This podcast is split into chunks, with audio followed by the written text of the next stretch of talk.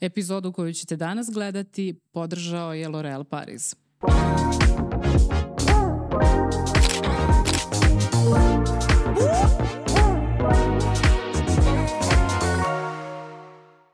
Pozdrav svima i dobrodošli u novu epizodu Wannabe podcasta sa Ninom i Nađom. Današnja tema, odnosno ono što ćemo danas probati da otkrijemo kroz ovu epizodu, jeste šta to znači biti srećna, zadovoljna, slobodna ili oslobođena žena. I danas su tu sa nama dve sagovornice koje će nam u tome, nadam se, pomoći. E, prva sagovornica koje smo se odmah setili kada smo e, razmišljale o ovoj temi e, je Ida Prester. Dobrodošla Ida. Bok, ozbiljan zadatak, ozbiljan ono zadatak, sveti da. gral da. ćemo očito otkri danas.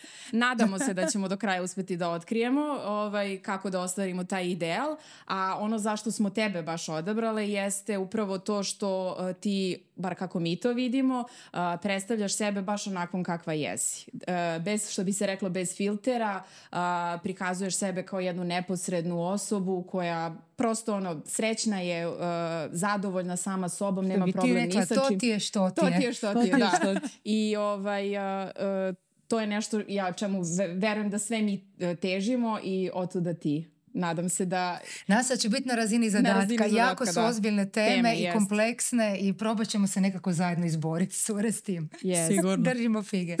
A, naša druga sagovornica danas je Marija eh, Hadžović, a, eh, možda poznatija po profilu Harmonija duše. A, eh, Marija je psihološkinja, tako, tako je. Marija. Hvala. Ja bih voljela da ti napraviš uvod, da nam kažeš zapravo zašto si odlučila da pokreneš profil, šta stoji iza toga? Da, odmah teška pitanja na startu. da. Pre svega baš se srećam što sam ovde, pogotovo u ovakvom društvu. Iako zvuči tema nekako lagano, mislim da smo po prilično teškom zadatku. A što se tiče mog profila, pa pokrenula sam ga iz jedne sebične potrebe da pišem i da se nekako otvorim nekoj široj javnosti, samo što naravno rekla bih da kao i većina žena u nekoj prvoj prve dve godine nisam uopšte otkrivala svoj lik pisala sam vrlo anonimno psihološke tekstove, eh, delila svoje iskustva, delila neku, neko znanje koje sam imala kroz poeziju, kroz stručne tekstove i tek nakon negde dve godine sam odlučila da onako hrabro istupim. I rekla bih da je to bio prelomni trenutak zapravo u mojoj karijeri, u mom životu i odatle i naziv. Ja sam je nazvala profil Harmonija duše jer sam se osetila u trenutku da je to nešto što mi nedostaje kada sam ga pokrenula i onda sam shvatila da ako ja ne dam sobstveni primer toga da je u redu da budeš ono što jesi, već da to samo dajem kroz reči, uh, onda to nije baš onako lepo, tako da sam shvatila, ok, to sam ja, ja tako izgledam, ja se tako ponašam, ja tako govorim. Prosto možeš misliti iznenađenje nakon dvije godine kad Kada se pojavi otkrije ona. lik i pojavi se ovako lik, baš gledam, ono, ljudi su bili u šoku. da, da, to je, to je sad današnja verzija tada. Ovaj, e, suštinski negde sam se čuvala tih predrasuda, pogotovo u sobstvenoj struci, koji danas postoje, kao što je primjera radi, e, ima tu i tu boju kose, ima tetovažu, e, i da tamo i tamo, jel? Nekako ljudi ajde pokaži nam sve te da, da, da.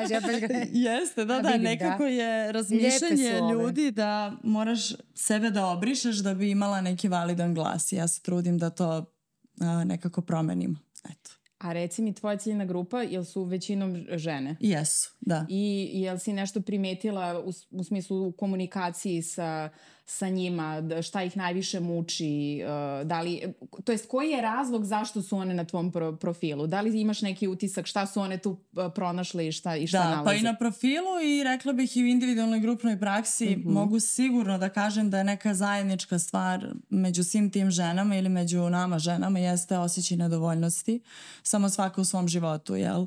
Tako da smatram da negde su žene se povezale između sebe da se osjećaju dovoljno među drugim ženama kada su tako takve zajednice formirane i meni je to nešto najvrednije. Jeste. Da. Vidiš, ja sad prvi put osjećaj nedovoljnosti. Mm, da. Da, da. Kao not good enough. Neka kao pa dovoljno da. nije dobra u svom poslu ili u svom društvu ili svom detetu, kako god, ali to je stvarno zajednička stvar svake Kako žene. da bude dovoljna kad treba biti najbolja i da. ljubavnica i kuharica i spremačica i žena yes. i mama i odgojiteljica i psihološkinja. Aha. Znači sve moraš biti. Kako da budeš dovoljan? Mislim ne možeš o svemu briljirat, a mi sami sebi zadujemo da sve moramo briljantne. I to je jezivo. Yes. Mi smo same sebe najviše se bićemo. Moramo biti nježnije prema sebi. Jel to nekako Absolutno. skladu s tim što ti Apsolutno, da, da. A to je da same sebi budemo dovoljne. To je da. cijela poenta. Da, ili što bi ma bivša mentorka mene jednom pitala pre par godina kad je više enough, kad je dosta. E, to sam ja pitala pre neki e, dan da. žene ovde. Ja ne znam kad je dosta. Znači, Upravo. Ja sam, ne, kad će se desiti to oslobođenje? Aha. znači, kad ću ja da budem slobodna? Sama to, sa sam, sobom. Da. Jednostavno, sve mi kad ćemo mhm. biti slobodne. A šta vam je bilo nekad? Znači, ono, kada se setite ranije. Mi sada, ja mislim da imamo tu vrstu pritiska mnogo ve, veću nego što je bila ranije, kada gledate naše mame naše tetke, bake, kako god, sve te žene koje su nekada imale, jesu one imale određene odgovornosti, ali mislim, čini mi se da nisu ni upola imale koliko mi imamo sada očekivanja, ne odgovornosti, očekivanja od e, Svih tih uloga. Svih tih uloga. I te neke uloge su naravno krenule prvo kreću od tuđih. Znači ti imaš neka svoja očekivanja kad si mali, jel? počnu, ajde u različitim fazama života i razvoja imamo različite očekivanja. Ali ti kad si mali, imaš svest o vrlo suženu, jel? I vremenom kako širiš sve znanje i upoznaješ što više ljudi i ti se nekako meriš valjda sa drugim ljudima, jel tako kreće celo, ce, svi problemi.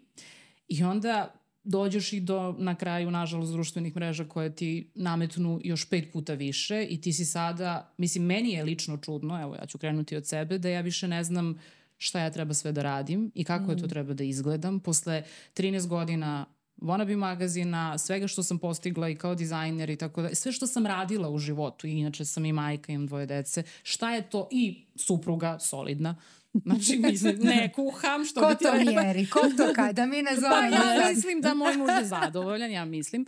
Ovaj, ali ja to, ajde, ko mjeri? Meri, valjda ja treba da izmerim i njegovo, njegovo lično, valjda vidim sreću.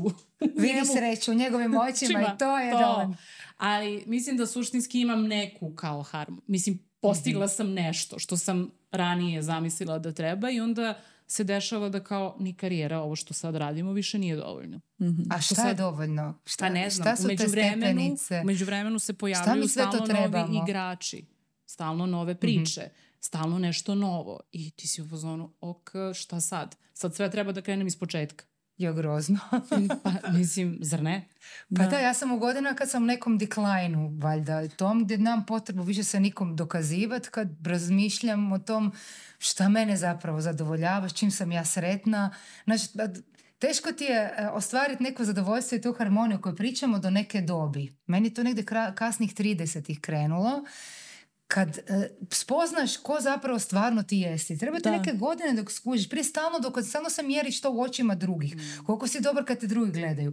A nakon nekog vremena shvatiš šta je to što tebe usrećuje. Da sve ta neka vanjska mjerila, sve ta tapšanja po ramenju, mm. svi ti lajkovi zapravo nisu ti. Ti si to da ti sam moraš shvatiti što to je to što je tebi stvarno bitno, a šta su neka očekivanja okoline i šta su vanjska mjerila. Onda shvatiš da li je tebi bitno u životu da imaš neku sigurnost, rutinu, skladan brak. I s druge strane neki drugi tip koji želi avanture, želi kaos, želi, možda se to mijenja iz perioda u perioda, ali onog trena kad ti shvatiš ko si stvarno ti, ti ne trebaš polagat nikome računa za to što, što si ti, kreneš ići onim putem koji zapravo tebi je namijenjen i to je neki put harmonije. Ja sam sad stvarno u situaciji da nemam se šta više boriti sa nikim drugim influencerima, drugim pjevačima. Ja imam neki te svoj mali kutić, nikad taj kutić neće biti ono rasprodane dvije, tri arene kod Dino Merlin, niti ono influencer, ne znam, Mela Dvornik milioni, ja sam neki drugi tip jednostavno. Imam neke publiku s kojom ja rezoniram, koja meni, mene dovoljno hrani, oslobodiš se nekog ega, shvatiš gdje si i ne težiš prema nečem što nisi ti. I mislim da je to, to je zapravo put, da se prestane stalno uspoređivati. Nas, e. a u početku od djetinjstva nas građamo žene za razliku od muškaraca, da smo si jedna druga konkurencija, da stalno uspoređujemo. Nikad nisi dovoljno dobra. Tu bio gledaš, pogledaj muške magazine. Oni su sebi super, oni u muškim magazinima kako se najbolje provest, kako najbolje si zadovolji s osjećaj, gdje su najbolji restorani, gdje su najbolje koke. Hedonizam. Hedonizam yes, čisti, a mi stalno kako se žrtva budemo bolje u tuđim očima. Da, I da. to mislim da je korijen našeg problema. To vječito nezadovoljstvo sobom, estetsko, kako se ispeglat, maknut bore, kako uvući trbu, kako zadovoljiti muškarca na deset koraka. Znači sve je neka žrtva, na život je stalno ono mučenice nekakve. Umjesto da dođeš do neke dobe da kažeš, ma nisam nisam ja žrtva. Tako ja je. sam tu da uživam. Ja sam ta koja sam se ostvarila i sad ima mene, mene da neko te toši. Tako ja nekako doživljavam harmoniju što ti kažeš. da. To je taj osjećaj da sam dovoljna. To je da je dovoljno. dovoljno. Da je dovoljno. Nikad nećeš biti najljepši i najsmiješniji. Ali rekla si ključnu stvar ego. Znači, A moraš ti... maknuti ego. Ego to Tako. samo smeta. Pa znam, ali treba Samo neko smeta. prvo da ga osvesti da bi ga maknuo. da, da, istina. Da. znači, da. mislim, to su neke stvari koje su toliko pipave da i buditi se u ra... ja na primjer sam bila stalno mene sujeta nije radila stvarno men, generalno me ne radi i preću da odustanem nego da se tu nešto takmičim prosto ne meni tuđi, tuđe, tuđa potvrda i tapšanje mi nije trebalo međutim Uh, ima dosta i uticaja drugih. Znaš, ljudi koji su pored tebe... Suptilno da ćemo pokazati, pokazati pravcu da. te osobe. Ove, ovaj, šalim se. Ima, e, sa strane dođu ljudi i počnu da ti pričaju. Sad, ok, imaš onaj moment, ja sam se opustila. Jedna trudnoća, druga trudnoća, radim ono što volim, dobro mi ide. Mislim, prosto nije mi bitno. Meni je... Od... Izgodna si, pardon, i pametna, e... i duhovita. to sad, Šta će ti? To sad, Šta će ti više? Ovaj, Pa, iz moje perspektive meni je nekako taj intelektualni deo uvek bio bitniji, ali vremenom ti govore nije dovoljno. Znaš kao, što sad? I sad, gde god da odem, neko će prokomentarisati. Ja se sećaš se, kad sam se prvi put porodila, jedan mm, mladić iz marketinškog posla je prišao i rekao mi je, uh, kolika si. Stvarno? Ja sam došla na događaj jedan, posle mm -hmm. mesec dana porođaja. Znači, i on je imao komentar, ukolika si. Ok, šta si mu napravila? Ček se ga sve skenslala. da, više ne radi Taj čovjek više da. pa ništa mu nisam uradila, ali ti kada posle tako, pritom sam ja bila obučena u crno i iz moje perspektive sam bila prikladno obučena i nisam, nije se taj višak toliko mm. video, ali je on očigledno mene gledao na drugačiji način ranije i onda kada je video sada da sam krupnija ili šta god. Imao je potrebu da imao te pusti potrebu da, da, da to kaže ili je to prosto, mislim, pritom to od muškarca ne očekuješ. Mislim, meni se do duše dešavalo više puta da me pitaju da li sam trudna ili sam se ugojila i tako mhm. dalje. Mislim što je potpuno... I sad to, to se skuplja vremenom. Fascinantno kako se ljudi bave ženskim telom koje nije mm. njihovo. Meni je to baš zanimljiv fenomen. Inače, Ali u društvu. to rade i žene. Znači, da, da, ja da. kad skinem kažem, kilažu, ljudi, žene žena će muškarac. doći i prvo što će da mi kaže na sastanku jeste da sam smršala. Mm. Yes, da, Zašto da, da. tebe to boli? Znači, ili briga. Kako ti ja drmam da kalis? A žele ti dati kompliment. Ne. Traži povišicu. ne, ne, ne, ne. Ovo su žene koje su iz drugih, ove, ovaj, kako se zove, eh, ono, mi si sarađujemo, nije, nisu, ne rade za mene. Pa da, da, da im to je da... dobro da ti ne kaže što si propala. to ono kad smršiš što si propala. pa bolje da mi to kažu. Ovaj, ali na kraju uopšte ja nemam potrebu primjera radija ne bi nikad otišla nekome rekla jao što ti je ne znam šta, mislim, ili što izgledaš umorno, ili, mislim, jednostavno mm -hmm. ja mhm. te stvari ne vidim kod ljudi, a ljudi imaju tendenciju i muškarci i žene da ti daju okay. komentar i sad ti vremenom slušaš, to je sve sitno, sitno, sitno, sitno i sad to je kao tebe to ne pogađa, ne pogađa i posle, to je ono kao kad gradiš imunitet pa ti vremenom pada imunitet zbog ne znam čega i samo odjednom te ono, ovaj, ubije neki virus ili neka okay. Mhm. bakterija, e, upravo to. Ja sam 13 godina bila u fazonu. Imuna. Ja, imuna, upravo. I samo posle 13 godina od umora, od svega, od previše informacije i svega, mm. ja sam počela ozbiljno da sumnjam u sve. Mm -hmm. Znači, to više nije pitanje, znači ja bud, ono, bukvalno sve mogu da, da, mm, da sebe više ne vidim isto, ne mislim da sam dovoljno, ne znam šta i tako dalje. Tako da, naravno da ja na tome radim i da ja nisam bio, sad nisam u fazonu, ja ću odustati od sebe i od svega, ali da je naporno, jeste. Mm -hmm. I nekako imaš osjećaj da ne, ne možeš da stigneš sve to što treba. Mm. Kad ti to sve da stigneš? Mislim, kad to sve da izvedem? Ja radim od jutra do sutra i ne mogu da izvedem da budem... A pa postaviš i sama granice. Mislim, pa ne, ja ono meni... zašto me recimo žene mene stalno optužuju. Ja ne kuham. Ja jednostavno ne volim kuhanje i ne mogu se naći u kuhanju. Znaš li ti koja u 21. stoljeću to udarac i krimen da, za ženu da. ako ona ne kuha? Ja ne kuham. Ja sam odmah došla, muže reda, rekao, gle, odmah da se dogovorimo, ja ono, radit ću kako te, ja radim od jutra do mraka, zaradit ću kako treba samo da ja jednostavno ne leži i to, ja ne želim ta dva sata provesti, jednostavno imam kreativno za nešto drugo, za to nemam. I to jednostavno povučeš granicu. Okay. I znaš, i oni ljudi koji to tebe očekuju, da se on s tim ne mogu pomiriti, hvala lijepa, doviđenja. Znači, dođeš do jedne situacije kad uopće nema kompromisa, to sam ja, neću se ispričavati za neke stvari koje jednostavno ću kompenzirati nekim drugim stvarima. Ne možeš stići sve. Znači, ne, ne možeš. neću imati lijepe nokte, nemam lijepe nokte jer ne stignem. Želim se za neke druge stvari koristiti vrijeme. Nema, jednostavno moraš si pronaći neki svoj put prioriteta. Kao što... Ili da ti potpuno pukne film. Ili da. pukne nokat. nešto, da, nešto će pući. ja mislim da u mom slučaju ja ću potpuno da odustanem. Ja ću budem pozvanu, ja ću sada da idem i u pidžami na posao i baš. Pa mislim, šta te pa briga? To je sjajno. To je to, ali nije to, pa to je nešto normalno, nije to pucanje filma, niti, Tako znaš. Je To je jednostavno ti si postavila svoju granicu, ali najbolje ti je to ja sve nekako fino. Na početku kroz osmih, znaš ja ti ne bum baš kuhala, znaš onda viš kako će reagirat malo po malo i to je to. Onda on kaže pa znaš ne bum ni ja, onda kažem ja ok, onda smo jedan jedan, ajde smislimo kako ćemo to riješiti. Onda se uselimo će... mojim roditeljima iznad glave koji neko mora tu nagrabusit, ali znaš onda ti kompenziraš nekim drugim stvarima, ali život si je ono skup, e, nije crno-bijelo, ono skup pluseva i minusa i za mhm. neke stvari si bolji gori, samo mekano, dosljedno, sa smješkom, ali daj ljudima do znanja svoje granice. To je jako važno, nemoj ići preko svoje granice. To je i meni dugo trebalo da, da naučim. Sad, ono, jednostavno svima šalji signale šta želiš, šta ne želiš, ali sve jako fino, bez urlanja. To je to, nećeš, ok, la la la la, vidimo se kad se smiriš. I, mislim, ne, nema druge. Mislim da je to neki... Kakva tačka Tako se zašutili sad, da, gledate me. Razmišljam? Da. da. Ne, razmišljam, okej. Okay. Zmiskim znači, pogledom. Znači imamo, imamo ego, dobro da zapišem. to je samo ovaj make-up. da nađe vidi stvarno. Da. Ove, a lepo, lepo izgleda. Da. Ove, uklopila je. a, imamo, što smo rekli, ego i granice. Tako je. Šta bi Ključne. rekla psiko, stručnja. Da. E, šta bi rekla struka? kaže. Šta kaže struka? Struka se potpuno slaže i negde se tvoja priča potvrđuje sa tim da žene najčešće dođu do te tačke da ne mare više za to da li su postigle neko očekivanje tek kad postignu očekivanje zapravo mi postignemo neke stvari i onda kažemo e sada mogu konačno da se bavim time ko sam ja.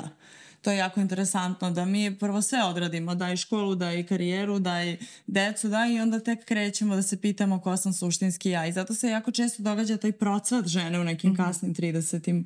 godinama i ovaj, nekako dosta žena oko mene mi govori jednu stvar, ja sam tek počela da živim od 40. jo, znači, će ja isto to mislim, da, 40, samo me gledaj. Ja sam ove godine godina bit ćeš na konju. Euforija. da, da, jer ja, na primjer, sa mladim devojkama sa kojima radim, one stalno pokušavaju da saznaju ko su, kako da volim sebe i ja stalno njima kažem, jako je teško čak iracionalno voliti sebe s 20 godina tad da niti poznaješ svoje telo, ja niti poznaš svoje da, potrebe. Teško je, da. Zaista je teško da voliš nešto što ne poznaješ. Tako da ja smatram da kako prolazi vreme sve se više upoznamo i lakše volimo. A to je upravo si ti potvrdila evo kroz svoj primer. Moje iskustvo je baš da. tako. Ne znam šta struka kaže, ali ja sam u 20 nam bila totalni raspad. Baš ono raspad sistema. Nisam znala ko sam. Ja sam ja muzičarka, sam pankerica, ja sam luđakinja, ja sam poduzetnica. Pa uh, ono, krenula radi, dobila fiksni neki posao, pa se tu nisam snašla, dobila otkaz. Mm. Znači, totalni kaos. Jednostavno ne možeš provaliti šta ti zapravo hoćeš. Da, noć iz veze u vezu, s u tulum. Četkicu za zube sam imala kod deset prijateljica, nisam znala da ću da spavat. Mislim, samo sam se pustila nečem što mi je organizam valjda tražio u tom trenutku, ali stvarno je bio ono totalni poremećaj, naš ono životni i jednostavno traženje. tom putu traženje koje je skroz mm, legitimno za Jest. te godine. Ali jako sam bila i anksiozna i nisam znala, jednostavno nisam znala kako svoj život usmjeriti u neki kolisek koji meni paše. Ništa mi nije odgovaralo, ništa nisam mogla nam pipat da mogu reći to je to. I bilo mi baš divno kad sam kopala sam, kako se sad selimo, kopala sam po svojim starim stvarima baš prije nekakvih par mjeseci i našla sam neku razglednicu iz srednje škole. Znači sa 16 godina sam ja ja sebi napisala poruku i sad sam je našla, ali to je nevjerovatno. Poruka je, znači, e, koja je to bila godina? 95. 1995. to ljeto bila sam na Rabu, poruka samoj sebi, dvotočka, budi sretna. I ja to sad nađem. To mi je, toliko me to dirnulo i onda sam se probala sjetiti, uopće ne znam sa 16 godina šta te sve muči, koje su to bile brige, ono škola, prvi dečki, možeš misliti ono kaos. Kolaps. Da, da, ali stvarno tad sam vada napipavala da je korin svega da ti budeš sretna. Ne budi da. bogata, ne budi uspješna, ne budi najbolja. Nego ja sam sebi yes. napisala budi sretna. I stvarno je jako dugo treba. Treba ti ono par decenija kasnije, ono, ok, znaš, ono, stvarno sam zadatak shvatila ozbiljno. Da, da, slažem se potpuno da, da ne pokušavamo, to jest mi pokušavamo da budemo srećne, ali nekako ja se trudim da to šta znači biti srećna uopšte ne stavljam u neku definiciju. Jer i to je rizik od toga da, da li je za nekog drugog to sreća da. i da li će onda da se oseti ona to nije uspela ako mi stavimo u neku definiciju. I, i ne da... možeš biti u svakom trenutku, Tako to je isto, znaš. Ja imam jako veliki guilt trip, što si mi ti sad isto malo prije rekli, kako ljudi me doživljavaju na Instagramu, da moj život cvijeće i proljeće. Aha. Znaš, mislim, ja stvarno pokušavam... Um, biti iskrena, ali ti ne možeš ružne trenutke prenositi na društvene mreže. A te društvene mreže su grozno toksične. I ja imam osjećaj da ljudi koji gledaju društvene mreže, i ne samo moje, nego i bilo čije tuđe, da, da uspoređuju svoj život s tom nekom lažnom slikom, s tom reklamom za život koji ne postoji. I ja baš osjećam veliki pritisak da, e, evo sad neki dan, ja i muž se posvađamo oko pas i mačka nasred ulice i ja njemu stalno ga stičavam, nemoj sad, ljudi nas znaju, nemoj ćeš sad ono radit scene, sramotit me tu jer ti mora zadržati neku svoju dinastija, sliku kako smo mi najbolji par na svijetu, savršeno usklađeni, modno, po bojama i da je svaki naš trenutak genijalan. Nije. Mm. I na neki način moramo to shvatiti da, da gdje život nije crno-bijel, a nije ni sav ni u bojama u svakom trenutku. Da postoji puno toga što ne vidimo. I što ti jednostavno ne možeš. Ja ne mogu u tom trenutku kad se mi svađamo palit stoje i reći evo vidite ljudi, nemojte se loše osjećati. Ne možeš, ali možda stvarno, da, ali stvarno je možda vrijeme da, da se otvorimo. U nekim trenutkom, bar kad to prođe, nakon par godina, mm-hmm. onda će ti reći, a što nisi sad, tad si šutila, ali ljudi ne možeš govoriti o tom trenu. Ali evo ja sad, evo mogu otvoreno reći od 2020 2020. kad sam, kad sam bila na rubu razvoda, zbog čega sam ja i otišla u Zagreb i mhm. dovela djecu, ali ne možeš to u tom trenu govoriti. Ali mhm. par godina kasnije stvarno možda možemo naći snage da i o nekim svojim manama možemo otvoreno pričati. Jer je to ljudima jako važno. Te društvene mreže toliko, znaš, ono, daju neku krivu poruku isto, znaš. I osim što te što inspirira, ali s druge strane, tvoj život ne možeš dovoljno uvjerljivo sagledati ko što je. Tako da to je isto neka tema o kojoj moramo pričati. Pa, mislim da svi očekujemo da konstantno, da je to isto nametnuto na mrežama, da ti konstantno moraš da budeš srećen. To je ono da, kao, da, da. to nije mora, tako. mora, a primjer, zanimljivo je, e, isto sam slučajno naišla na klip Michelle Obame koja kaže, baš kad je brak u pitanju i kako svi danas se mnogo brže razvode, razilaze i ono ranije je bilo... Brže misliš odustanu jedni od drugih. Da, brže odustanu, ali ranije je bilo uh, 30 eh, godina si u braku i 10 ti je loše. Ti si super. Znači, pa ne, to je to. Jer, mhm. mislim, ranije brakovi nisu ni funkcionisali kao danas, nisu bili stvari izbora. Tako da ako ne može, ne može od 30 godina svih 30 bude fenomenalno. Mm. Moraš imati godine koje su vam Pa čak i neprirodno da bude tako. Pa da. I struka kaže. Ne, nego, da, dobro. Ja mislim to je kako ćeš znati da ti je dobro. Apsolutno, čak e, po istraživanjima parovi koji se ne svađaju sa, nemaju perspektivu. Bravo, evo dobri da. E, smo. E, dobro, to je dobro. yes. yes. Pa dobro, to je onda problem u mom slučaju. ne viđate se dovoljno da bi se svađali. da, da. Možda je to stvar. E, da, da. Ima je super. A, ja bih samo da se nadovežem, jer mi je jako interesantno to e, što si rekla da si e, samo i sebi u stvari napisala poruku sa 16 godina, da si ti tad bila svesna toga da treba biti srećna. Ja, na primjer, uopšte nisam imala svest o tome, tačnije, uh, ja sam bila onako, ja sam bila da kažem srećna, onako su me zanimale neke površne stvari, ali mi je jako bilo bitno da budem uspešna. A vidiš. I to mi da. je bio cilj, da ja budem uspešna, da ja zaradim, da ja budem, ne, sad, zašto, mislim, ajde da kažem, iz normalne sam porodice, nisam ja bila nešto u tom smislu da sad um, moram sebe da obezbedim, da, da mi je neka egzistencija ugrožena i slično, ali meni to bilo, da ja budem uspešna. I vidiš kako si uspjela, pa jesi jeste, sad i sretna. Jeste, sretna ali, i uspješna. Ali, ali ništa sad.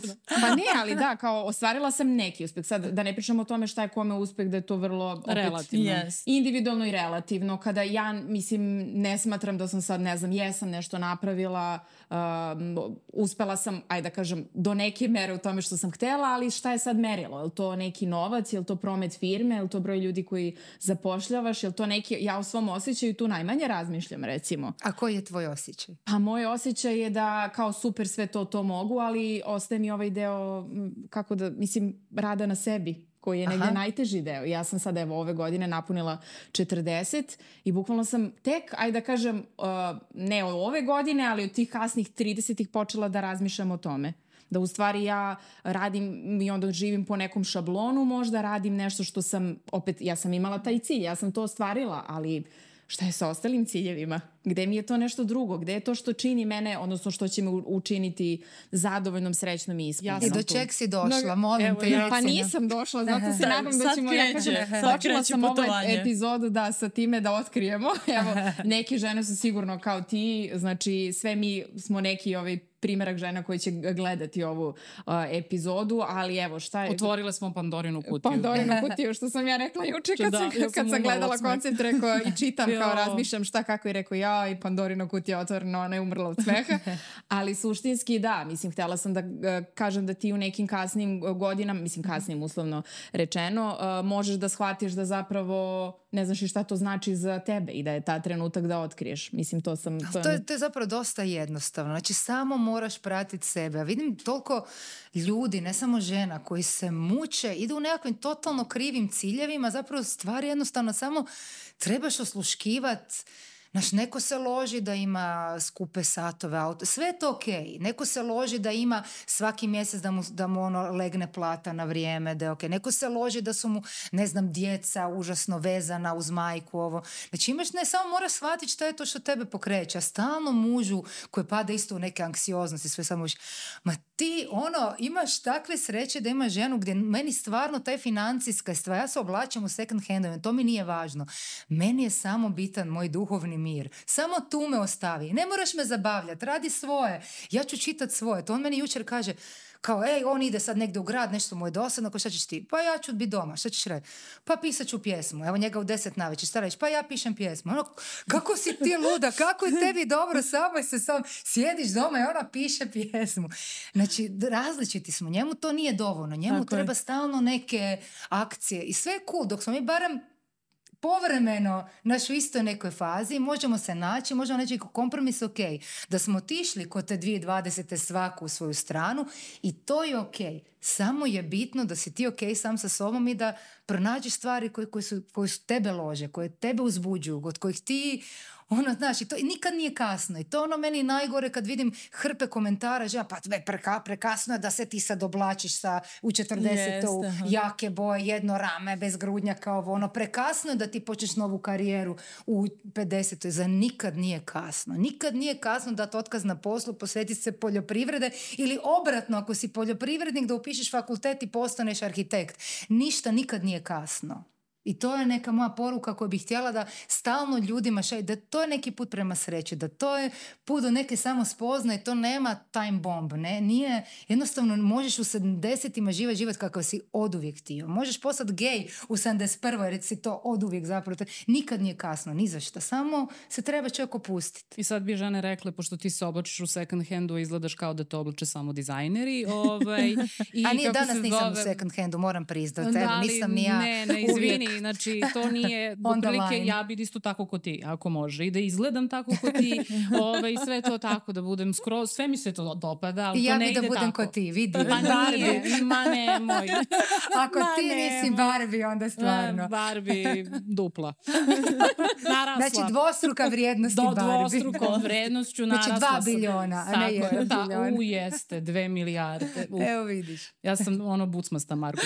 Margot Robbie, izvini, ja stalno govorim Margot, što mi ono više mi zvuči zanimljivije. Ba, sad ja ne smijem ništa reći jer znaš da god da kažem da neće biti dobro.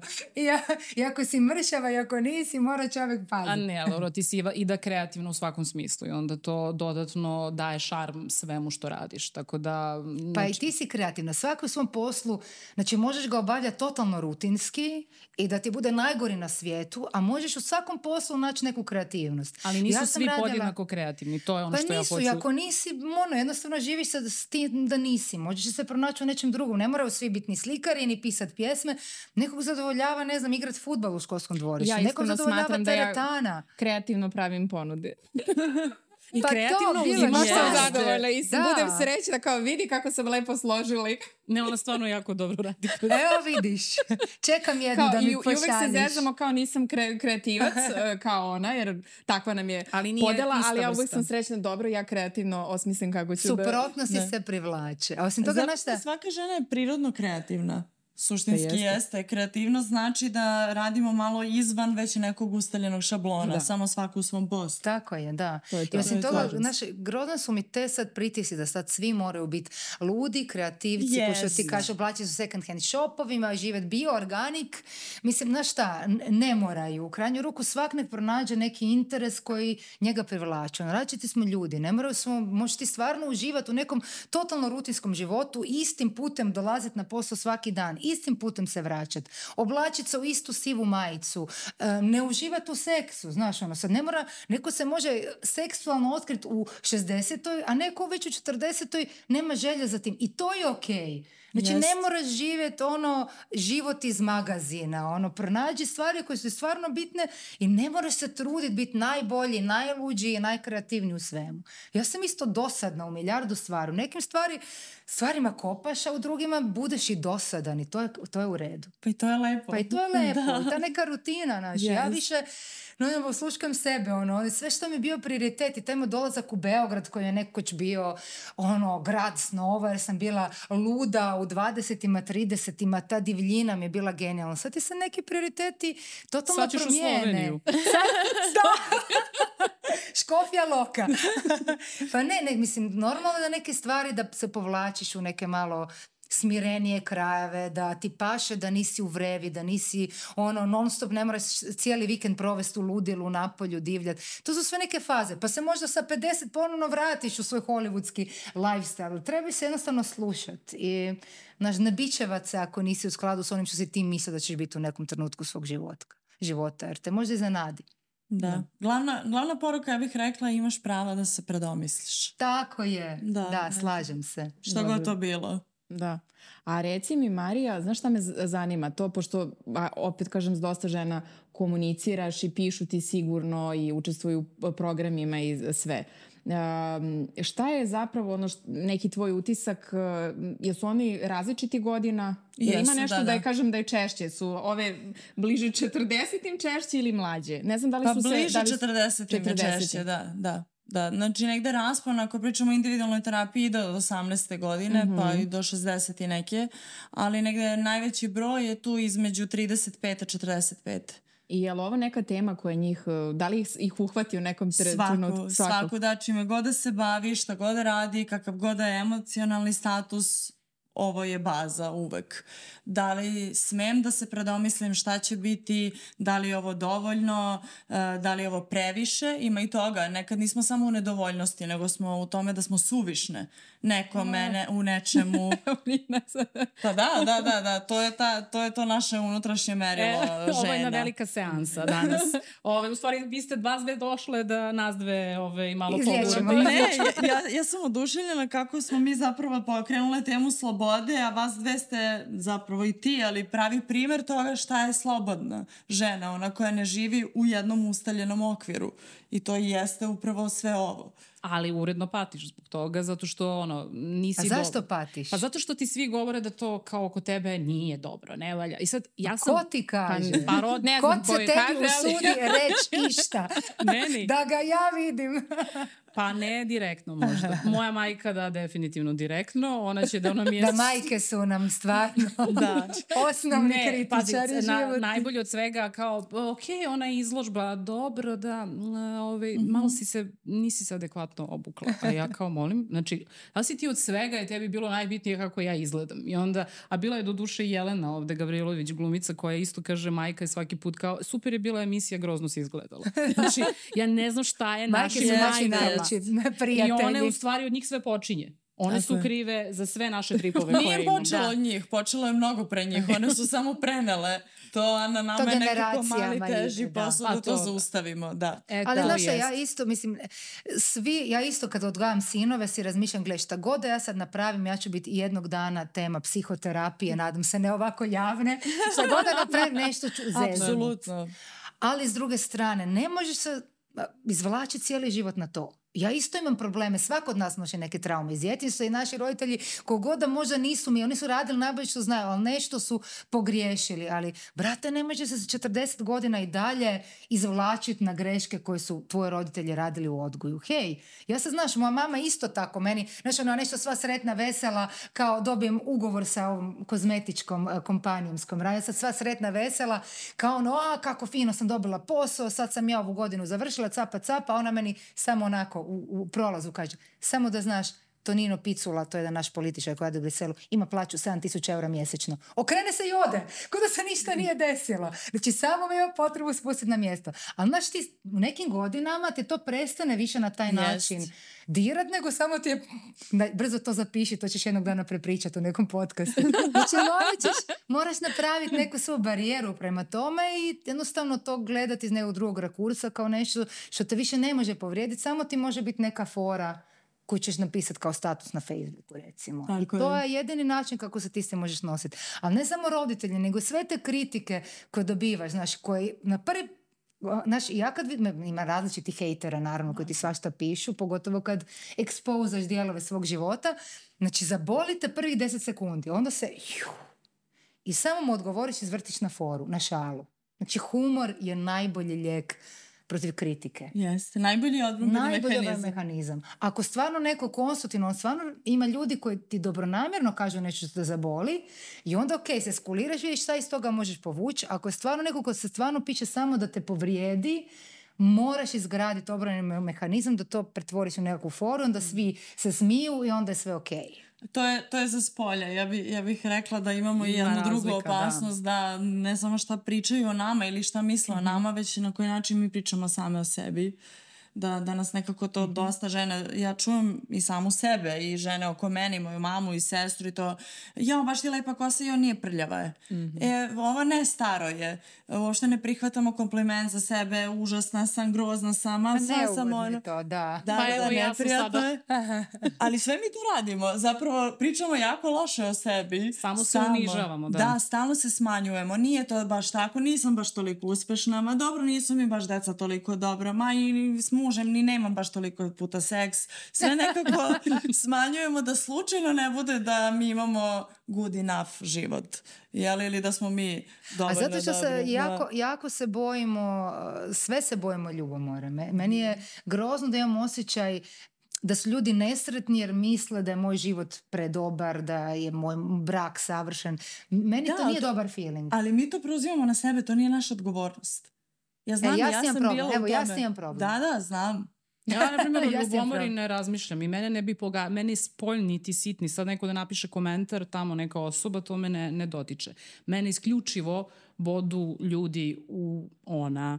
Bliski. Uh, jako pa da, da, da. eto da je pokazala. Znači, pokazala sam majka, muž, ti komentari. Ovo ostalo, može da kaže što god hoće. Mm -hmm. Znači, to stvarno ne, ne zanima me, pogotovo, kažem, ljudi mm -hmm. koje ne poznaje. Mo, ili neko mora da mi bude bitno njegovo mišljenje ili da on ima neki uticaj, pa da ja kao razmislim njegov, da ga saslušam i da... Yes. Ali ovo to na sitno, šta će neko u prolazu da misli, ne. Pa dobro, ali da si možda javna ličnost pa, da pa da imaš uh, mnogo izloženiji profil, ža, pa da imaš gomilu komentara. Znaš, je, dobi, da ja... znaš, jer ja čitam stvarno svaku poruku. Ja, mislim, ne može se svako ovim baviti koji se jednostavno idete na živice. Ono, znači, ja dva sata dnevno čitam tuđe poruke yes. i onda stvarno se loše osjećaš kad vidiš da na nekog ne djeluješ na način kako si ti te zamislio.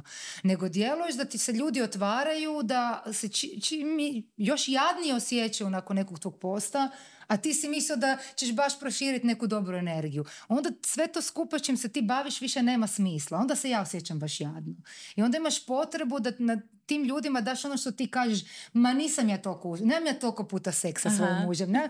Upravo zato da uh, im daš pravu sliku stvarnosti, da oni o sebi ne misle gore zbog toga što si ti sebe prezentirao kao vrhunsku, ono, genijalnu, ono, prejedno. Jeste, ali mi opet preuzimamo odgovornost za tuđi doživljaj i to je, to je baš... Znam, ali ja ne znam, ne znam kako, jer zar ja stvaram taj doživlja. Da, ja sam odgovorna i za taj doživljaje prvi koji stvaram. Onda sam odgovorna i za loš osjećaj koji oni imaju radi toga. A zar nije 80% toga šta mi mislimo o nekome i izgovaramo pred naša eksperte. Jeste, jeste zapravo. Istina je da ono što mi vidimo u drugome je uglavnom projekcija. Projekcija to. Da, da, da. Stvari koje nam je teško da vidimo kod sebe, pa ih vidimo da. kod drugih. Ali da, mi često na sebe preuzimamo, pogotovo žene koje se bave nekim javnim poslom. Ali recimo pre par godina je meni mentorka rekla u jednom trenutku zapamti, nećeš moći svima da pomogneš i to je to. Znači, ako si spremna da prihvatiš što uđe u taj posao. To je posao. jako teško. Da. To je da. baš težak. Postojeći ljudi koji ćeš da vidiš i znaćeš da to ti nema onaj... gde, ali pored njih će 80% mm -hmm. imati jako veliki benefit i to je super u statistici. To je onaj sindrom misionara u Africi koji polude, jer ti vidiš toliko patnje i da. toliko da. užasa, a ne možeš, ti možeš pomoći jedno, dvoje, troje, petero, desetoro, ali ne možeš svima. I to, to je baš težak osjećaj, s im se baš ono teško nositi. Kirurzi isto koji rade u bolnicama. Jer samo vidiš da ono napravili obrambeni mehanizam da ih više ništa ne da, dotiče. Da, tako je. Ono, baš postanu ono, naš mesari, zato što bi neće poludili. I to je baš važno da si to A A šta da. mislite ako pričamo sad o tome sreća, zadovoljstvo sobom, svojim životom i to? Koliko zahvalnost tu ima? Evo to je neka tema, nešto o čemu smo i pričali. Ona meni stalno govori budi zahvalna, budi zahvalna, onda ja njej kažem budi ti zahvalna. Koliko mislite, ajde Marije ti sa ove, da kažem stručne strane, a iz lične, mislim što da ne, ne moraš pričati samo sa, uh, iz ugla pro, struke, profesionalca, struke, da. da. Ovaj, e, koliko misliš da je to da ipak osvestimo i odnosno da razmislimo o tome šta je sve dobro u našem životu i na čemu sve treba da budemo zahvalni i da to negde i ona možda kažemo, napišemo, priznamo, jednostavno da koliko je, je to put ka Da, tome da pa zapravo pa, ne znam da, da, meni je dobro. Kao. Da, da, ne znam da li pričam iz e, ličnog ili profesionalnog iskustva, jer sam skoro shvatila, baš kad sam snimala isto neku emisiju, da je to postala jedna fuzija. Uopšte više ne znam šta je, šta je deo struke, šta je deo mog identiteta, ali što se tiče zahvalnosti, ja zaista tvrdim da je meni ta stvar promenila pogled prvenstveno na sebe i na ono što imam u životu i svakome sa kim radim i sa kim razgovaram kažem da je zahvalnost preduslov srećnog života. Jer zahvalnost je negde, ako pričamo sa te stručne strane, fokus na ono što imam. Jer mi kao ljudi stalno imamo tendenciju da vidimo šta sve to nemamo i šta nismo. I onda nekako se... Ljudi, istina je. Da, istina, da. I onda se stalno vraćamo kroz, to, kroz tu zahvalnost na dnevnom nivou. Ja je pišem godinama, ja 6-7 godina svaku ujutro pišem o čemu sam zahvalna. Ja na ruci imam tetovažu gde piše hvala ti i to mi je jako interesantno da ljudima kad god nešto dajem ili mm. uzimam vide i svi jao, baš nekako lepo reaguju na to zato što je jako lepo čuti tu zahvalnost. Zahvalnost je mnogo važna zato što i u najcrnjim danima, a svih imamo, imamo sve faze kada nam je jako teško, kada nešto izgubimo, ako se držimo mentalno za ono što imamo, a uvek imamo nešto, mi uvek imamo nešto, makar, makar neko parče dobrog života u smislu živa mi je majka, kakva god da je živa je. Neko je nema uopšte primera radi, znači uvek mogu za nešto da se uhvatim, to je ono što će da nas vuče gore. I tako da, ako mene neko pita kao šta bi rekla jednu tehniku, zahvalnost. Sve ostalo će doći samo. Da. Jeste. A šta mislite o tome, da, ovaj, ima ta neka kao izreka apropo e, toga koliko god možda malo zvučalo e, čudno, ajde uslovno rečeno da e, kažem, ako želiš da budeš srećan, samo budi srećan. Je to neka zen ili neka da. izreka? Ovi, ovaj, tako zvuči onako jednostavno. Da. Ali evo mi ovde danas u tome. Pa da, meni to više zvuči da je insinuacija da je sreća stvar odluke. Yes, Jel, da. kako želiš da budeš srećan, ti budi, jednostavno odluči i slažem se na nekom nivou to i jeste odluka, kao što je i odluka da svakog dana ideš na posao, da radiš na svom braku, da budeš zahvalan ili da ne budeš u tom smislu odluka. Ja sam bar to tako doživela, da jeste sreća stvar odluke. A... Ma odlučim ja ujutru kad ustanem pozitivne da, misli, pozitivne već. misli, biću srećna, biću zahvalna i do podne ćao, upravo to. Da, znači, da. do podne sam u fazonu vidi, sada da imam mitralje, zdrrr, znači bukvalno. Ali to je vatrena osoba. Ja, da, ne, čuti, čuti A inače račica u horoskopu. da, da, joj ko moj muž sad mi je sve jasno. Ali sam podznaku lav. da, da Tako da, da, da, ali ne, znači ja stvarno evo trudim se, radim i medita, meditiram i sve pokušavam. Znači stvarno ono svojski to. Imaš novog pacijenta, da vizitku odmah. ne, evo, pa baš me sad baš me sad da. zanima. Evo s obzirom da pričamo sad i sa stručne strane i sve to onako super zvuči školski. Jesi li ti sretna? Jesam, jako, da. Pa jako pogledaj sam kako sretna. izgleda. Da. kako, e, kako ne bi bila. šalim Hvala se, puno. šalim se, šalim Hvala se. Nije, to je da, baš da. ono predrasuda, bezobrazna sam bila, ali da. izvinite. Da, nije predrasuda, pa ja imam nije, filozofiju da što mi je lepše, da, što mi je lepše, to sam lepša. Imam negde taj uh, motiv, ali jesam, jako sam srećna i mogu da kažem da sam zapravo možda po prvi put u životu srećna, a mnogo puta sam mislila da sam bila. Ali vidiš, zanimljivo je to da si se ti krila. Da, jako mi je bilo neprijatno. Nisam, zvali su me u live, neki bili, pa ja nisam htela. Pa sam, ja sam čak napisala tad knjigu, svoju prvu, i objavila sam je na koricama da nigde nema moje slike. Nego je crtež na, na knjizi poezije. Jako sam se klonila od toga iz razloga što sam bežala. Bilo mi je jako neprijatno da me neko vidi, komentariše. Stalno sam se stidela inače u detinstvu. To je prva stvar, a druga stvar, nisam želela da moje fizičko pojavljivanje stalno stavlja u senku onoga što ja jesam, jer mi se to često događalo. Naprimer, dođem na fakultet, ja sam odbranila pred medicinskom komisijom jako ozbiljan rad i to je stvarno spremanje od preko godinu i po dana istraživanja. ja sam to odbranila i predsednik komisije kaže e, sjajno ste koleginice to uradili, ali ne znam šta se ošte maltretirate kad ste tako lepi, ajmo sledeći. Jesi ga tužila? To je za tužbu. I nekako ja sam se baš sam, to, ja sam toliko plakala taj dan jer sam se osjećala kao da je to bezvredno. Se, ja se nadam da takvi ljudi više ne rade na fakultetima. Aha, aha. Grozno. Mm -hmm. Ja neću da komentarišem svoje profesore. da. A ja se sad pitam zašto to meni niko nikad nije. ja A ja, na meni se vidi, samo se sjećam, vidi, imamo zapravo slično iskustvo, dobro, to je stvarno malo groznije, ali ovi su mi zapravo spasili život. E, kad sam završila fakultet, onako pogubljena, kao što sam rekla da sam bila u 20 sam se ja prijavila na ozbiljan posao, ono posao u nekoj ogromnoj firmi uh, tada u Hrvatskoj. Ja sam došla na intervju, odradila sam taj test, odradila sam taj neka opća kultura, whatever, sve to bilo fenomenalno i dođem ovako pred komisiju, troje ljudi me, me ocjenjivao, sad mi pričamo i sad ja, znaš, pričamo u svom ekonomski fakultet, sam završila pola politologe, d.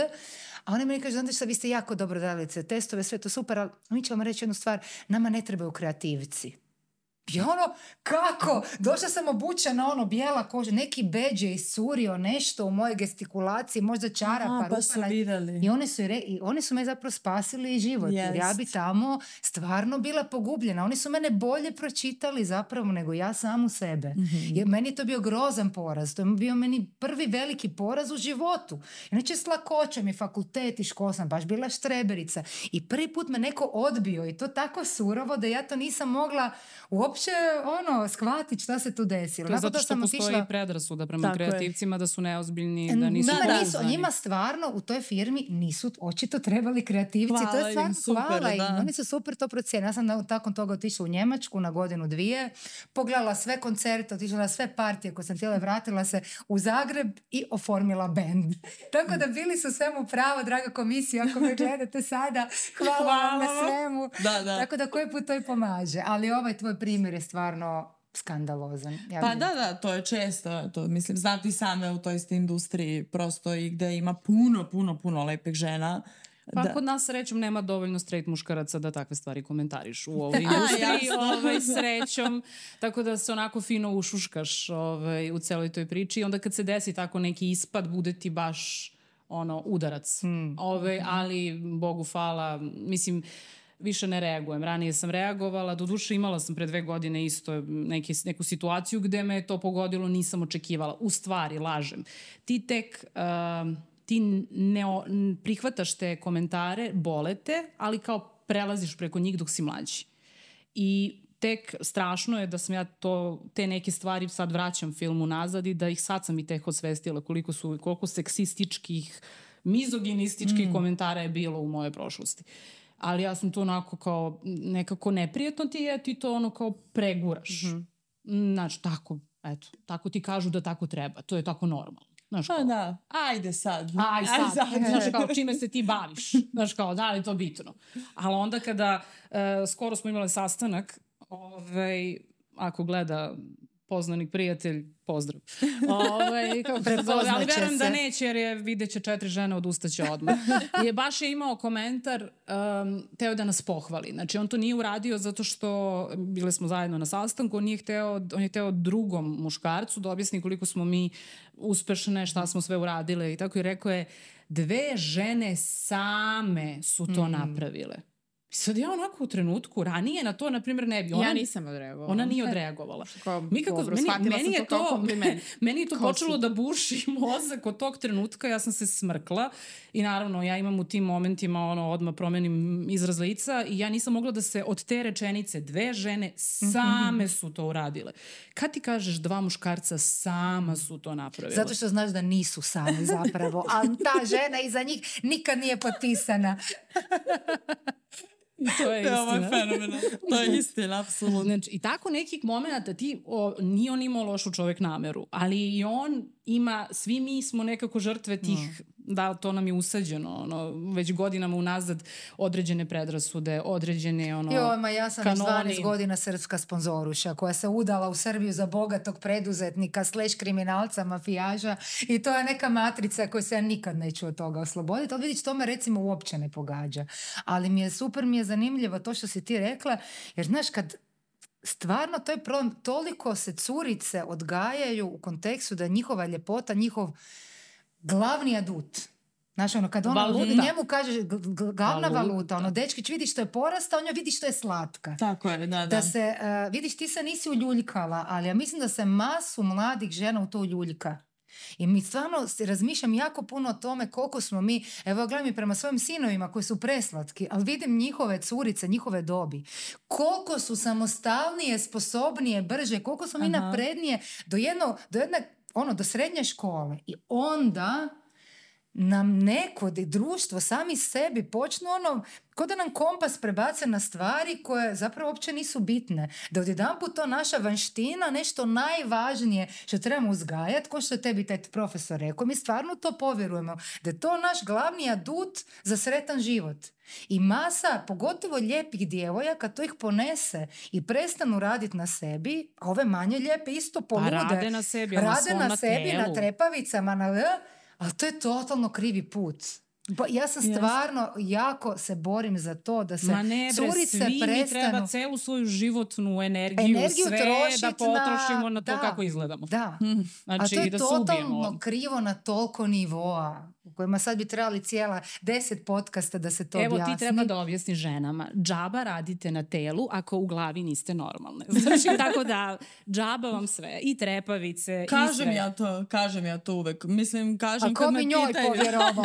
Lako tebi, uvek ti sigurno kaže. E, ja, jako dugo sam se borila sa tim osjećajem a, e, krivice i toga da se dokazujem. Ja sam i e, rasla u takvoj porodici gde sam se stalno nešto mm. dokazivala. Mm I htela sam da se stalno dokažem da sam ja više od toga što sam žena, više od toga da sam lepa nekome, više od toga nisam svima. Ko, Moja pa, kampanja. Jel, da. Naša kampanja od prošle She's more, much more. E, plaću. E, do, da. da, i stalno završi još jednu školu, još jednu, još jednu, ovde pobedi, ovde, da nekako stalno i stalno mi je smetalo i onda sam prestala da se borim. I sad kad mi neko kaže ili pomisli, pa da, njoj je lako, njoj kad je lepa, ja kažem, pa i jeste mi lako. Nekako da, jeste. Mnogo puta sam pa to, i super prošla u životu. Sigurno. Ali ako se osloniš samo na to... Tako je. Mislim, 1% žena fakat to i prođe i žive sretno do kraja života jer... Eto, Odlično, na, da. ali, da. Ali... Pa po Instagramu bi bilo da je mnogo veći procenat. Nije. Nije. Ne. ne znam iz svog iskustva, nisam iz te kategorije, ali znam, znam puno žena koje su se oslonile na to i to stvarno nije put koji ti garantira sreću. Da, čak Može je... se desiti, ali uh, veliki je rizik. Čak i je veliki paradoks u privatnoj praksi. Radila sam sa dosta žena koje se bave nekom vrstom javnog posla. Kad kažem javnog, da im je posao dosta zavisi od mm -hmm. njihove estetike i kada ih vi vidite one su jako lepe, negovane, zgodne, to, ali u najvećem broju procenata to one dođu sa samo prezirom na terapiju. One preziru svoje telo, svoj izgled, sebe, svoj glas, kako Tako govore. Tako imam ja iskustvo isto, da. Da, da, i to je zaista onako kada progovorite na jednom intimnom nivou sa nekom od njih, uh, vrlo je poražavajuće. Baš je onako, bude, bude mi žao. Bude mi žao da neko ko je i možda i dobio neku genetsku, ajde da kažem, m, mm, lutriju, mm. jel, koja je mogla i možda da iskoristi na neki način za sebe, uh, nosi cijeli, kao teret. Cijeli taj da. fokus na to tijelo, na tu veštinu Jest. kod žene, to Jest. je toliko toksično, to je toliko nenormalno. Za to, sve Znaš, ono, baš ono, neki dan sam e, se sjetila tog i mi malo ono kucat na YouTube-u i kucala sam e, estetska kirurgija, ne znam, facelift, da. ovo ono. Znači, svi doktori su, većina njih su muškarci. Znaš kako izgledaju? Naborani sa stomacima, čelavi, njih boli briga. Oni su sretni, oni su stvarni i prodaju nama priča, priča kako trebate da pravo vrijeme sa 35 godina, krenite tu, krenite tu, promijenite zube, A pa pogledaj njih kako izgledaju. Oni pa dobro, i onda ti dođe Brad Pitt na Wimbledon. On je jedan. ima botoks. Da. Pa šta god da ima, ja bih da budem Brad Pitt. Da. da. da. Ne, nego ja bi je... rađe bila Brad Pitt ili Angelina. Šta misliš, ko je sretni? Brad. To, o tom pričam. Pa, da. O njemu je top. Pa, ja da, mislim. ali... Pa zato što ga boli uvo. Pa mislim, dobro, mislim, on sigurno čovjek i trenira i svašta nešto, ali... Mislim, ne može da ga boli uvo do kraja. Ali ja bi bila što... i Silvio Berlusconi, dobro, on je sad mrtav, dok je bio živ. Razumeš? Njega boli briga što je čelo. Pa ba, de, de, njega boli njega, briga što je baš tu ali mislim, Njega, bilo mislim. ko, razumeš, on je, pa on je zato što se on hvali da on veliki, ono, ljubimac žena, on je, on je sebi car, njega boli briga kako izgleda. Da, da. Donald Trump, evo ako hoćeš, njih boli briga kako izgledaju. Ona zato što imaju fokus na nešto drugo. Žene su tu da njega zadovolje, a nije on tu da se on sad nešto bilda i da se farba i da... Znači jednostavno ima ono fokus na drugim stvarima. Rol, tako su se dominantni rodili, mislim, pa im je kompletno, svi su u njegu, njihovoj službi. Apsolutno, ali nis, nije samo ta kategorija muškaraca, nego svi, svi su takvi. Znači, većina muškaraca yes, znači, yes. je zadovoljna s tim kakvi jesu izvana, ne troše vrijeme na to. Da. Znači, gdje bi mi bili da mi sat i dva ili koliko već dnevno ne trošimo na popravljanje, na sve te zamke na koje smo pali, da su nama dlake na nogama ružne, a na muškarčim nogama su dlake skroz ok. Evo, mislim, i ja sam ih skinula, razumijem, nisam ja sad imuna od toga, nego ko nas je na to nagovorio? napravio? Mm. Za, zašto smo mi pogrešni? Zašto su naše trepavice nisu dovoljno duge pa ih moramo produžiti? Zašto pa naša eto, Sofia Loren u onim nekim filmovima kada zadigne mišku vidio se svašta, ima i čak ona sa Julijom Roberts koja ima slika, da. da. slika, pa ja ne znam sad da li mi je to baš okej. Okay. Pa eto, ali razmišlja pa zašto. Pa meni je higijenskih razloga. Iz Meni ni, ni, ni muške pa, ako higijena, nisu... higijena kod muškaraca nije stvarno Kako nije? Meni i kod... Ja bih ja bi svuda... Dlake nisu potrebne uopšte. Znači, realno. Skidaj, sve skidaj. skidaj. Dečki, jeste čuli vi za kamere, molim vas. Šta? Fuj, vidimo. Tenisica. Morate put sljedeći put snimatelje bez laka.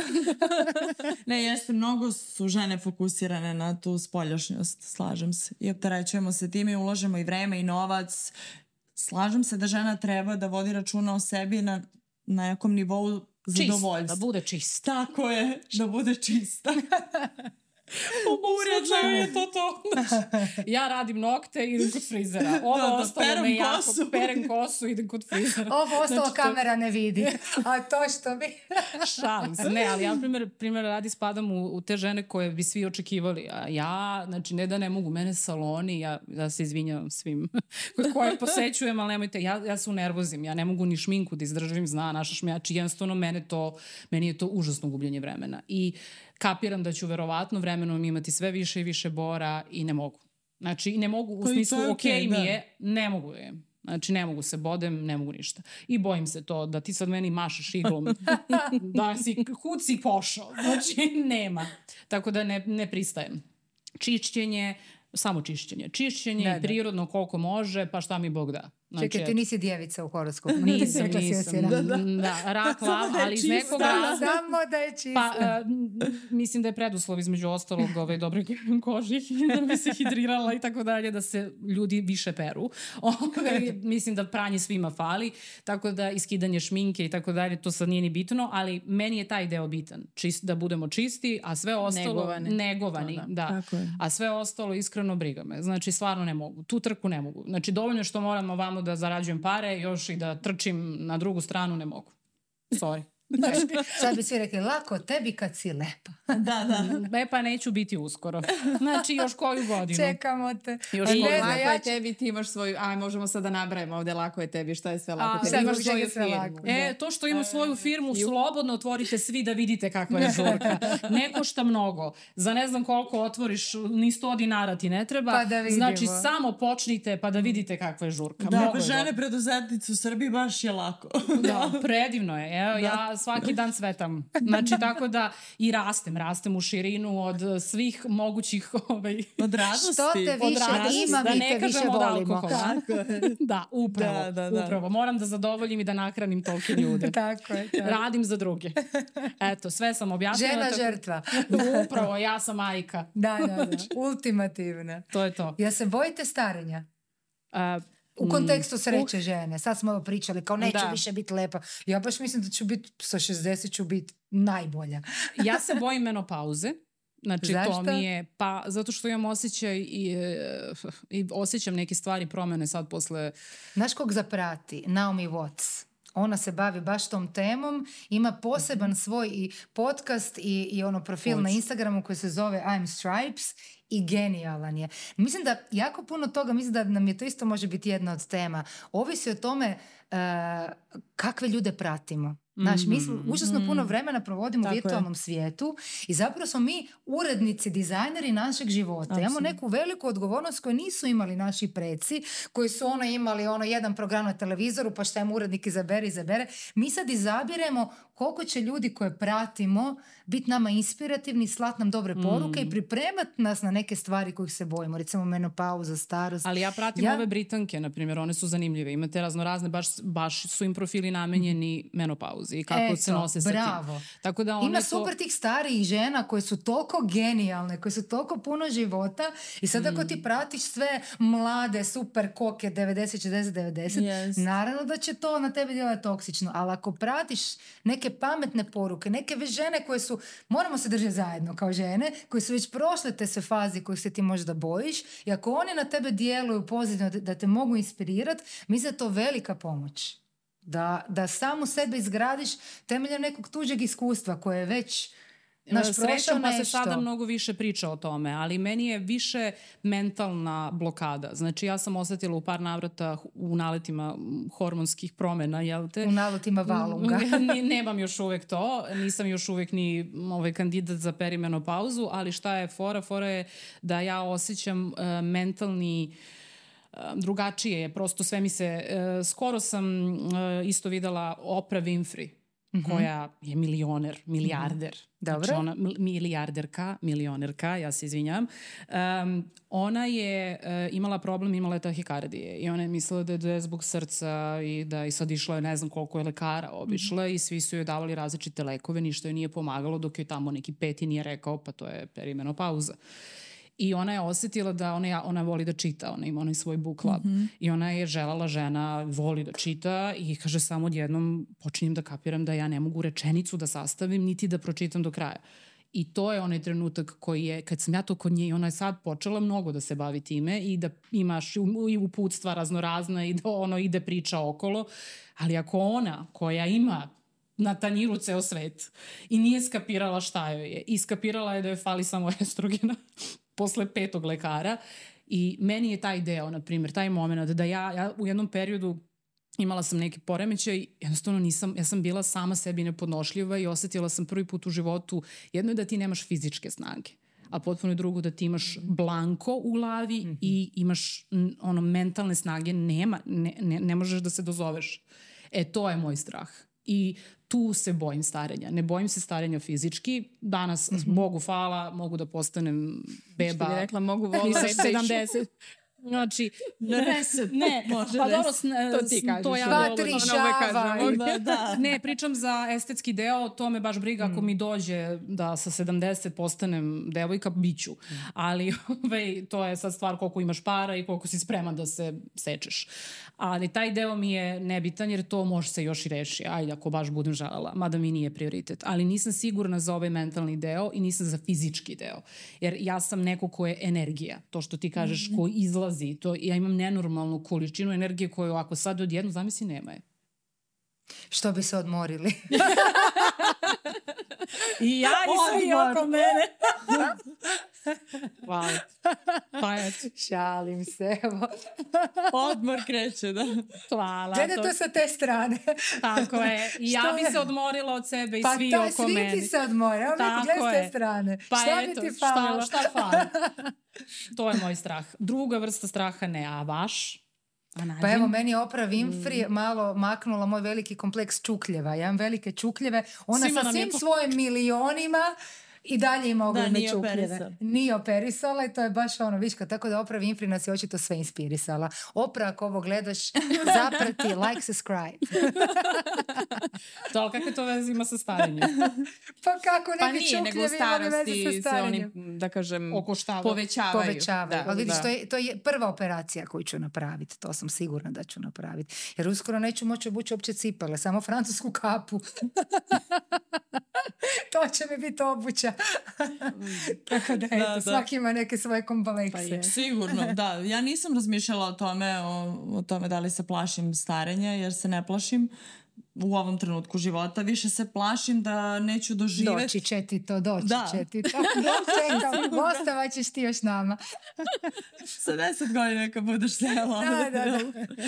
da, da. Nemam strah suštinski, više, više ako bih morala da izaberem straha, to je da je ne doživim. Ja bih volela da doživim starost. Mislim da starost da to... je privilegija za sve koji da, dožive. Da, definitivno. Da, volela bih da doživim i da vidim unuke. To mi onako sad zvuči potpuno čudno iz ove perspektive.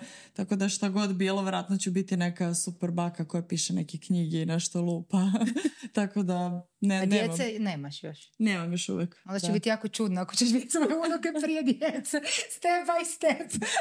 ne, ne, pričamo o starenju. Meni je da, da, da. starost baka. Da, a baka, to da, je to. Da, da, da. Nije mi starost, ono, pre 60 to ni ne posmatram kao neku... U našim godinama pre 80. e, vidiš, pomera se. Pomera se granica. Meni su neko sa 40 godina, Isuse, pa šta ta radi vani? Sad ja sa 45 idem u rejim. Pa da, da, pomera se. A menja se sve. Ja, mislim, možda sam to čak i spomenula u nekoj epizodi da sam tako, možda i nisam u stvari, ne znam, sa nekih 20 i nešto, kad sam krenula ajde da izlazim aktivnije i da obilazim sva, u tom trenutku popularna gradska mesta i sećam se išla sam na sound, onaj stari, kako izgleda do tada, mislim, ovaj, i uh, drug me koji je par godina stari izveo prvi put na sound i ja kao gledam i vidimo, ne, mislim, devojke, ono, starije od mene, ali ja kao vidi ove od 30 godina, razmišljam, bože, jer ja sam bila ubeđena da Ima da ću li se ja... ona da. decu do... Ne, ja sam bila, koliko je to dugo u stvari, bila ubeđena da ću se ja kao udati, eto, moji su suzeli sa 25-6, to je to, ja sam do 25-6 i ja, meni je to bio ideal, to je bio neki moj san i to kako idu ti koraci koje ti treba da ispuniš i bit ću uspešna, imaću pare, sve to tako bio moj san, ali šta posle? Do 30. Da, ne, meni je da. bilo, da, da ali šta posle? Eto, stan, udaću se, da. ali niko ne, nikad nisam razmišljala o tome šta pa posle. Pa bajke se uvek završavaju tad. Da, da, da. da. Da, da a tad počinje pakao. Tako da, a sad što se tiče starenja i toga, uh, ne plašim ga se klasično, ali ovaj, uh, primećujem naravno promene na sebi i ličim na svoju majku. Da to sam počela da primećujem, gledam sebe onako ogledalo kako se stvari opuštaju, menjaju i to. Ovo, ovaj, jedino što me teši je da mi često kažu da izgleda mlađe. I jeste, to da, jeste, ona izgleda. Sad da li izgleda mlađe, mlađe ne znam. Od mene, a starije. Tu sam. Tako da to me malo teši, moram da kažem, ali, ovaj, ali više mi je to što u stvari se sad navikavaš na sebe i iskreno da budem žao mi je što nisam bila uh, E, što sam, nisam bila zadovoljna sobom kad sam bila mlađa i mislila sam da mi nešto fali. I gledam, joj vidi, joj celulit koji, mislim, ne da nisam imala, nego bukvalno ne znam šta je ono bilo ili kao joj deblja sam, joj pa sam se tako poredila i nekako nisam uživala u tome, u tom trenutku. Eto, to mi je sad i onda uh, iz Još te perspektive. Sve pa Stignem, ja se nadam. Tek radimo, sad, radimo, sad, radimo, sad, evo, sad mi krećemo. Sad, znači, završili smo kreće. 13. rođendan je u septembru firme. To nam je dete, jedno. uskoro će u srednju, uskoro, nije još da. Šalim se, ali evo sad smo odlučile, ona je napunila 40, ja kao da sam napunila, ja kao da sam napunila 50, koliko sam umorna, ali dobro, krećem iz početka nova stranica. Ja sam to odlučila. Krećemo je doba, do sad je bila proba. Evo, radim na tome, da. prikupljam energiju, pijem suplementaciju, radim sve što treba. Hormoni ovaj, kreću. Ovaj, kre, ne, ne, ne, daću sve od sebe i vidjet ću. Da, a da trebaš, da vidimo, moraš neki ja prekretnicu napraviti. Ko J-Lo i krenem isto s tobom da džipam i da pevam i to je to. A pusti da baš sam sad, ono, razmišljala sam sad kad si rekla o J-Lo dosta, uh, nije da nešto prati njenu muziku, a sam baš vidiš to ti isto kako ima predrasude prema tim javnim osobama koji su mm. presredne, imaju sve, imaju tijelo, pare, ovo ono baš je pre neki par godina je počela, užasno su počeli bustat po medijama. to neki PR veliki krenuo. Mm. Ja sam pratila kako je to god znaš, on u tim godinama, još pogotovo da te neko doživljava kao seks simbol i ona je zaigrala tu igru i stvarno je cvala. I samo sam čekala trenutak i to se sad dešava kad ti vidiš, kad su već, kad su pretjerali, kad to sve užasno ide na, ono, na pun je kofer mm -hmm. svega i ne može se više izvući. Sa sva ta pažnja koja je prijala, ona sad više ne može. Nju sad ti fotografi ide do teretane, ide za teretane, ide kupit vodu, ide... Znači nosop su za petama i sad, znaš mm -hmm. ono, mhm. jednostavno ti vidiš osobu koju pratiš, koja bi trebala biti ono ikona sreće, da ona ima jednostavno loše dane. I to je možda isto put da sam Ako sebi spoliraš i kažeš ono, znaš, svi smo mi ljudi od krvi mesa. A možda bi ona i prestala da radi, ali sad više ne može. Ne Mislim, može, pa sa da. toliko ljudi o njoj ovisi da ono nema šanse da bi je pustili. Ono 500, 500 da ljudi i više, da. verovatno svakog meseca se hrani i živi. Sad, Sigurno. Sad znaš, ono, ima krivi pogled prema mužu, već ovi svi raspišu se na... Ne, nema više, to je... Pa Ben Reci, Affleck se sam iskrivio. Tako je, sav se iskrivio. Mislim, nije ni njemu, ni njoj verovatno, lako. Ali, znaš, to ti je, znaš, kad jednostavno pratiš kak to... Sve ima i svoju, svoju tamnu stranu koja često uopće nismo ni svjesni. To je ono, znaš, kad smo počeli na početku početku sloboda i ovo. Znaš, kad imaš ti sve pare svijeta, možeš vidjeti najuspješniji, najljepši seks, a njoj sad fali slobode. Tako je. Mi strašno fali slobode. Intime. I da. Intime. Da. Znaš, a neko drugi nema financiju, ali ima slobode. Moraš biti zahvalan, kad smo pričali o zahvalnosti, na onim što imaš. Kako Budi ti sretan što da. nisi J-Lo. Sve, ima i to svoje prednosti. Sve ima svoju cenu. Da, da, sve ima da, svoju da, cijenu. Absolutno. Da. I nikom nije onako kako ti izgleda na prvi pogled. Sve su kompromis. Mnogo je gore. Mnogo je gore. Sve su grozni kompromisi u životu i da. samo moraš biti zahvalan s onim što što trenutno imaš i pokušava dobiti ono što nemaš, ali ne biti frustriran. Znači, živimo u svijetu koji ti sta, koji, ono, hrani se frustracijama. Mm. Sve industrije oko tebe Tako i medijske, je. i kozmetičke, i filmske, i uh, svi Food. se hrane, da, i svi se hrane na to da. i svi će pokušati dobiti tu igru da se ti što nesretni, jer što si nesretni, to će oni više profitirati. To moraš u nekim godinama provaliti i reći, ok, sad je dosta. Sad mogu gledati milijardu slika Đelo koja je ljepša od mene u 80-oj, ali ja znam pravo stanje stvari, da to nije sve tako kako izglede, ne mogu mi više podvaliti tu foru. Jednostavno početi uživati u sebi. Iako nisi Đelo, jer neke stvari imaš. Možeš se posvađati po svojim mužem u javnosti bez da ono, oko toga ono, cijeli svijet o tom ima svoje mišljenje. I to je neka stvar koja je tvoja prednost. On jednostavno yes. postavi stvari u svoju korist. Ja to tako nekako gledam. Pa da, šta imaš, a ne šta nemaš. Da, da. Slažem se.